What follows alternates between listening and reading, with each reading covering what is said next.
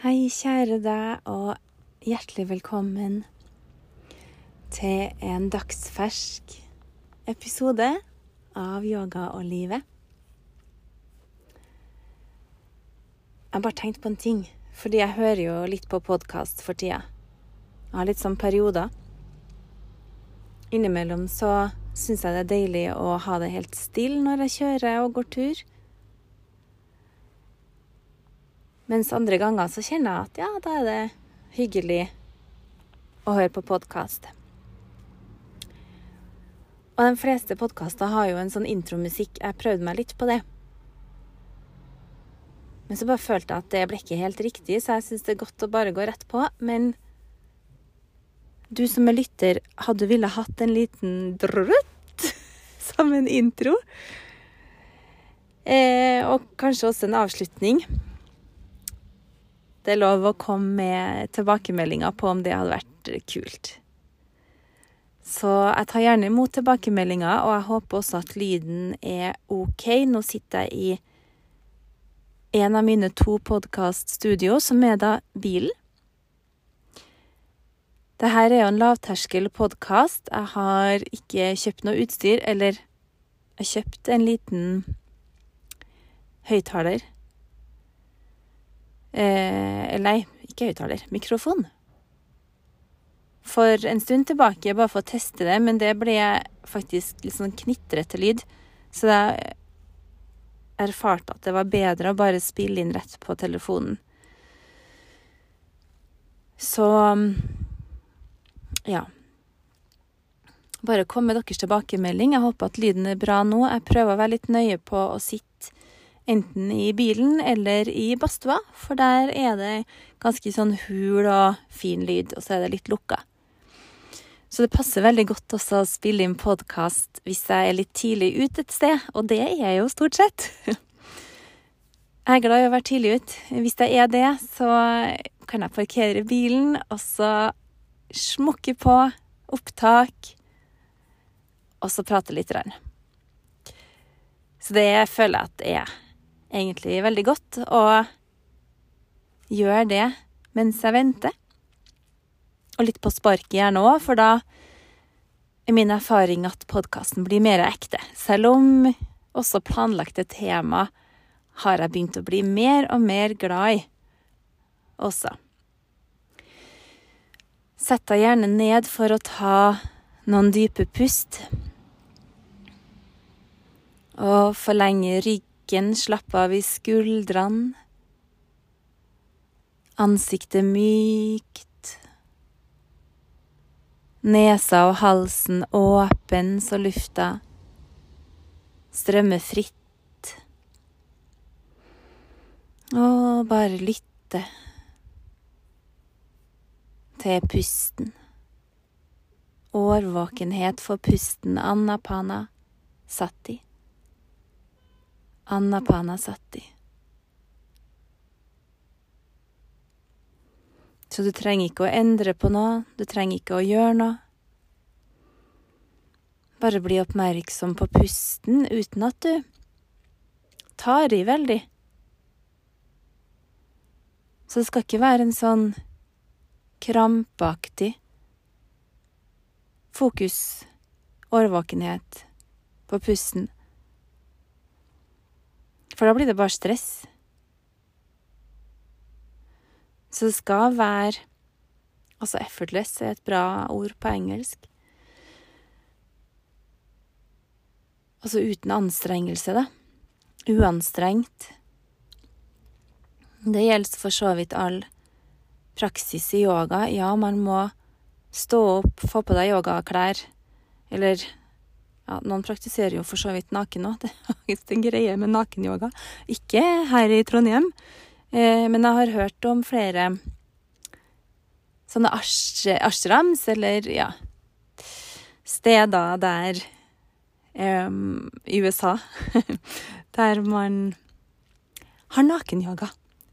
Altså, jeg vet ikke hvilke hensikter jeg har, men kanskje det å være i ett med naturen. Eh, vi er født sånn. Men i hvert fall en liten avsporing. var det. Men vi må gjøre en liten innsats for å få gjort yoga. Det er ikke bare sånn at vi bare kan gå og sveve rundt eller gjøre ingenting og bli fullstendig tamassik, da. Eller opphengt i en av de gunas tilstander, eller kvaliteter, om du vil, som sinnet har, som er da tamas, rajas og sattva. Hvor tamas er den sløve, litt giddasløse, du er fullstendig oppslukt i ignorance, altså uvitenhet, avidia. Kan også helle mot tyngde, depresjon, mørke. Ikke at mørke trenger å være negativt, vi skal både ha lys og mørke. Men man må på en måte ja gjøre en liten innsats for å praktisere. Og det er det som blir betegna som både abhyasa i yoga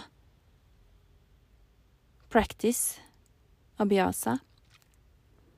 Man kan også kalle det tapas, som det står mye om i kapittel to i Yoga Sutras. Det er om kriya-yoga. Kriya er renseteknikker, eller rensning, hvordan du på en måte renser kroppen med, med tapas, da, med ildelementet.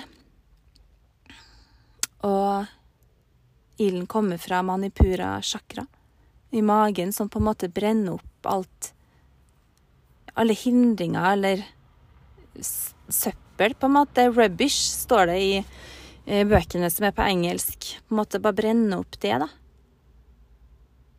Sånn at prana kan flyte fritt. Men det at det skal være effortless, det betyr at man skal ikke presse og presse, og samme noe når du sitter, hvis du gjør det. Bare se om du kan finne en litt sånn myk holdning mot det å sitte, mot deg selv, mot pusten din.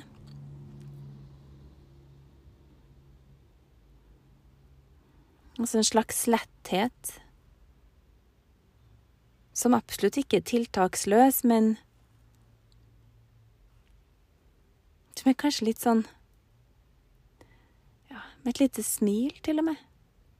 Og det skal heller ikke være et sånn anstrengt glis, sant? Den forskjellen på et lurt lite smil om munnen og en skikkelig glis, selv om et skikkelig glis kan også være fantastisk iblant. Men en sånn avslappa følelse. Og igjen, da De gangene du ikke får til å slappe av, og så jobber du veldig hardt for å slappe av, da blir jo på en måte det feil òg. For da blir det press på å slappe av, ikke sant? Mens i yoga så vil vi gjerne at de tingene skal komme litt av seg selv. Selv om en viss, selvfølgelig en praksis og en kultivering av egenskaper må til. Men der er det også å finne den balansen mellom å ta i og prøve å gjøre en innsats, som for så vidt må til, men også man ikke blir helt fanatisk, da. Som et sånt eksempel, ja, det er sånn som jeg tror, da. I hvert fall for meg. Det er fint å faste lite grann. Ha litt sånn morgenfaste, kanskje lunsjfaste. Men det betyr ikke at jeg skal sitte i 20 dager og faste for det. Da blir det litt sånn pressende, kan du si, og heller ikke sunt. Verken for kroppen, sinnet eller den yogiske reisa, utviklinga. Og det er også viktig å få hvilt seg.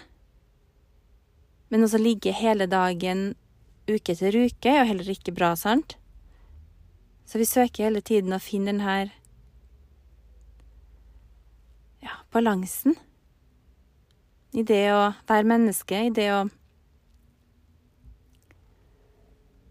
kanskje prøve å forstå det som er, da. Og det betyr ikke at vi som praktiserer yoga, er noe bedre enn andre, eller forstår noe mer enn andre. For alt vi vet, så har kanskje en som sitter ved siden av deg, forstått mye mer enn du har, sant? Så jeg tenker noen ganger om meg sjøl, da. Jeg kan ingenting, jeg. altså, og det er egentlig et ganske deilig utgangspunkt. For da har jeg jo åpna og skapt ganske mye rom da, for å få input. Og så får du kanskje litt erfaring eller kunnskap, og så skaper det flere spørsmål, og så kanskje man etter hvert finner ut at ja, ja Vi kommer ikke til å forstå alt i dette livet. Og det er helt OK. Det er altså faktisk slå seg til ro med at vi ikke forstår. Slå seg til ro med at vi ikke kommer til å forstå alt. Ja, kanskje er vi heldige og kan få noen glimt. Men det er ikke sikkert det er sant heller, det glimtet. Kanskje er det innbilning, kanskje er det noe du har lest og kopierer, på en måte. Det vet vi ikke. Men er det så farlig, da? Jeg tenker at det ikke er det. Om man innbiller seg noe som føles ok, da, og som føles 'Å, oh, nå har jeg forstått litt', ja, OK, ja, bare kjenn litt på det, og så gir man slipp. For at neste time så kanskje 'Å, herregud, jeg forstår ingenting', jeg. Eller det var noe feil. Ting endrer seg også. Og så er det vanskelig å beskrive noe som er en opplevelse, og som egentlig er ubeskrivelig, da.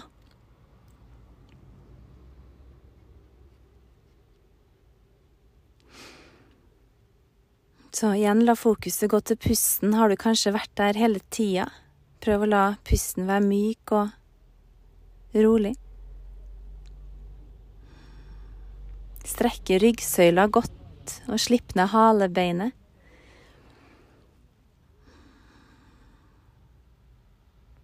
Se for deg at hjernen smelter og renner ned. I hjertet. Hvile i hjertesjakra.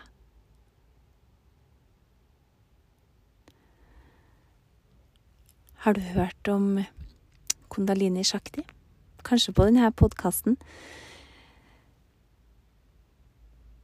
Jeg tenkte at jeg kunne snakke litt om det.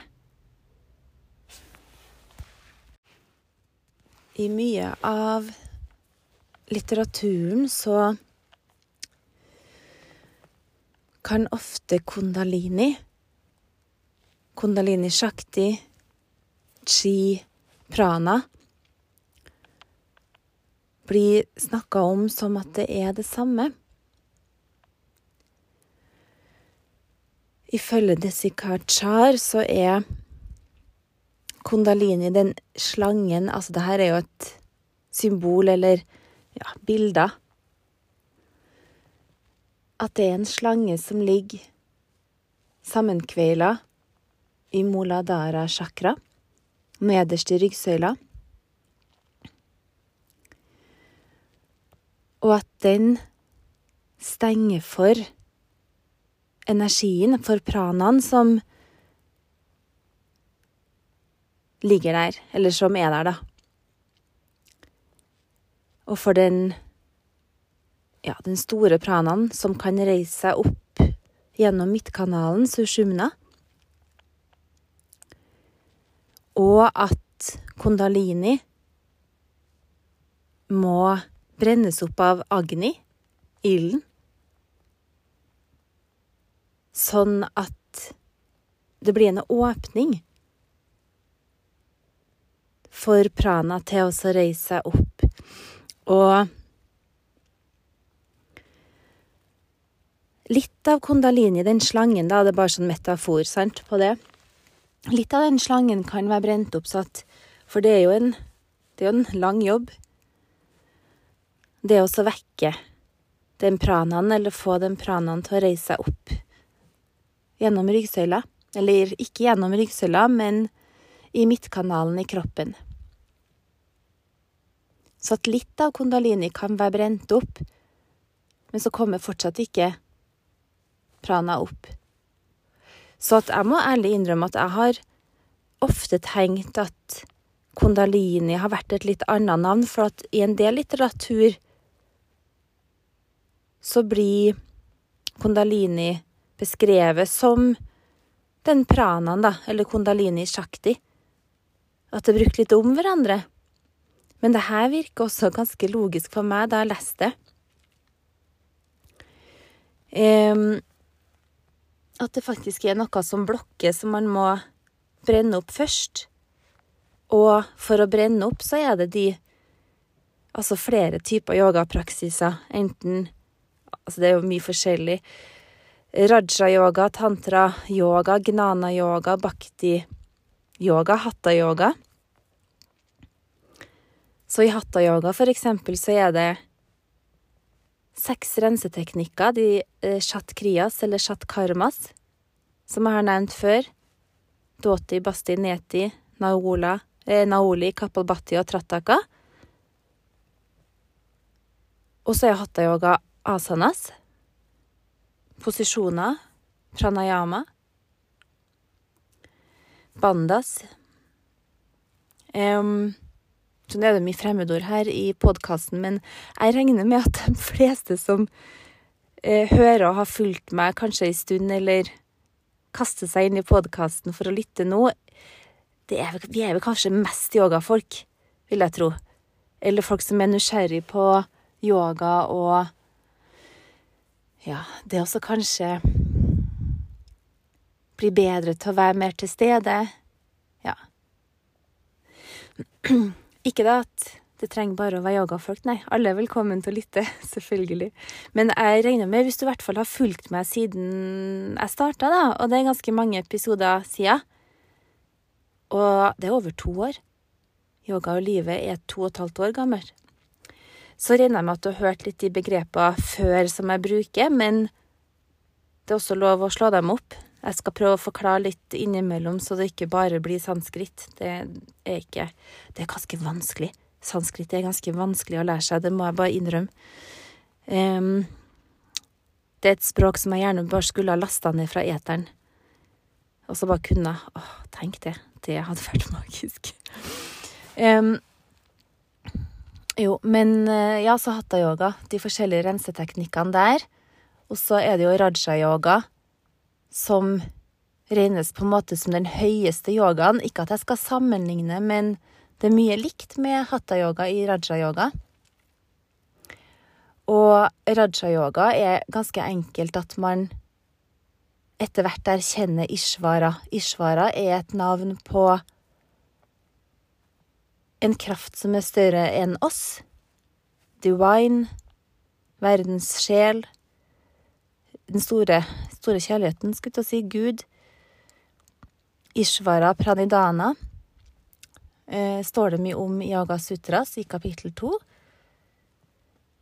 Der i raja yoga så er det på en måte en ting at man må hengi seg til slutt, eller fra starten, hvis du vil ha det litt enklere, så sier Yoga Sutras at det finnes en litt enklere vei enn å kave og kave og praktisere og praktisere. Ja, vi må praktisere også, men med litt hengivelse til noe som er større enn oss selv. Med en tillit til universet, så vil det bli litt lettere. Så at raja-yoga tar deg dit. Hatha-yoga er mye om praksisen. Det å praktisere. Det står det også mye om i yogasutras, absolutt, så det er mye likt i de her yogafilosofiske eh, skriftene. Så har du eksempel bhakti-yoga, som også er total hengivelse til Ishvara. Og så har man f.eks. mantrayoga, der man synger masse mantra, og at hvis du gjør det dedikert og jeg skulle ikke si hele tida, masse Og også en innskytelse der er at et mantra skal ikke, Du kan ikke bare si det uten å ha noe mening. Du må på en måte vite hva det betyr, og gjerne ha fått det fra en lærer eller Ja. Men det var jo litt mer sånn før, ikke sant, at yoga gikk i fra person til person. Nå henter vi jo mye fra bøker fra internett. Men også det å faktisk praktisere med en lærer da, på et studio, eller ikke på et studio, kan det også selvfølgelig være. Det har noe for seg. Det er noe annet enn å praktisere etter YouTube-videoer. Jeg skal ikke Ikke noe galt om YouTube, ikke noe galt om videoer. Fantastisk, det også. Fantastisk å lytte til podkaster også, for å lære å lese. Eh, praktisere etter bøker. Absolutt. Jeg tenker jo Det ene utelukker ikke det andre, men en gang iblant så tror jeg at det er veldig fint å praktisere med en levende lærer. Og kanskje også praktisere med andre elever. Det å være i et rom sammen og praktisere. Man løfter hverandre veldig. Og jo, så det var Skal vi se mantrayoga, ja? Og da sies det at hvis man gjentar mantra over lengre tid, jevnlig og over en lang periode, så skal det ha samme virkning som hatta-yoga, som karma-yoga. Så jeg tenker jo at det er viktig å gjøre asanas uansett. Da. Det må jeg si. Mitt eh, første møte med yoga, det var asanas altså en fysisk praksis, og jeg tror det er veldig viktig for å holde kroppen friskest mulig. Um, at du kan bevege deg. Hold blodgjennomstrømninga i gang, og åpne energikanalene, nadis. Um, jo, også for eksempel gnana-yoga. Gnana betyr kunnskap. Så da det er en litt annen type igjen. At du tilegner deg det spirituelle med f.eks. lesing og studie, og at du etter hvert skal kunne gå inn i samadhi den veien, da. Men jeg tror Altså, jeg skal sikkert mene veien er bedre enn den andre. Det er bare mange veier. Der kanskje vi alle må finne vår vei, og kanskje vil du ha én vei en periode i livet. Og så kanskje du oh, prøver litt en annen vei også. Men samtidig, det er på en måte det samme. Yoga er yoga. Yoga er en type forening, en union. Hatta-yoga eksempel er en forening av ha og ta. Ha som betyr måne, ta betyr sol. Og det står også for en forening av Ida og Pingala Nadi. To energibaner Ida på venstre side og Pingala på høyre side. Så en forening av de to store nadisene. Og at de er såpass forent at midtkanalen Sushumna åpner seg, og Kundalini brenner opp, sånn at prana kan reise seg opp. Så jeg prøver å beskrive det på en måte så enkelt som mulig, men noen ganger så syns også fint å um, ta med litt av de sanskrit-navnene. Også fordi at det føles rett mot tradisjonen. Um, men også fordi at i hvert fall jeg føler at det er noe noe hellig med sanskrit. Det språket. Eller måten å uttrykke seg på. Ja Da tror jeg at jeg må avslutte for i dag. Så dette er da en rykende fersk episode som jeg publiserer nå fredagskveld i oktober. Og det er lov å komme spørsmål hvis noe er uklart. Og jeg sender masse kjærlighet din vei. Ha det bra.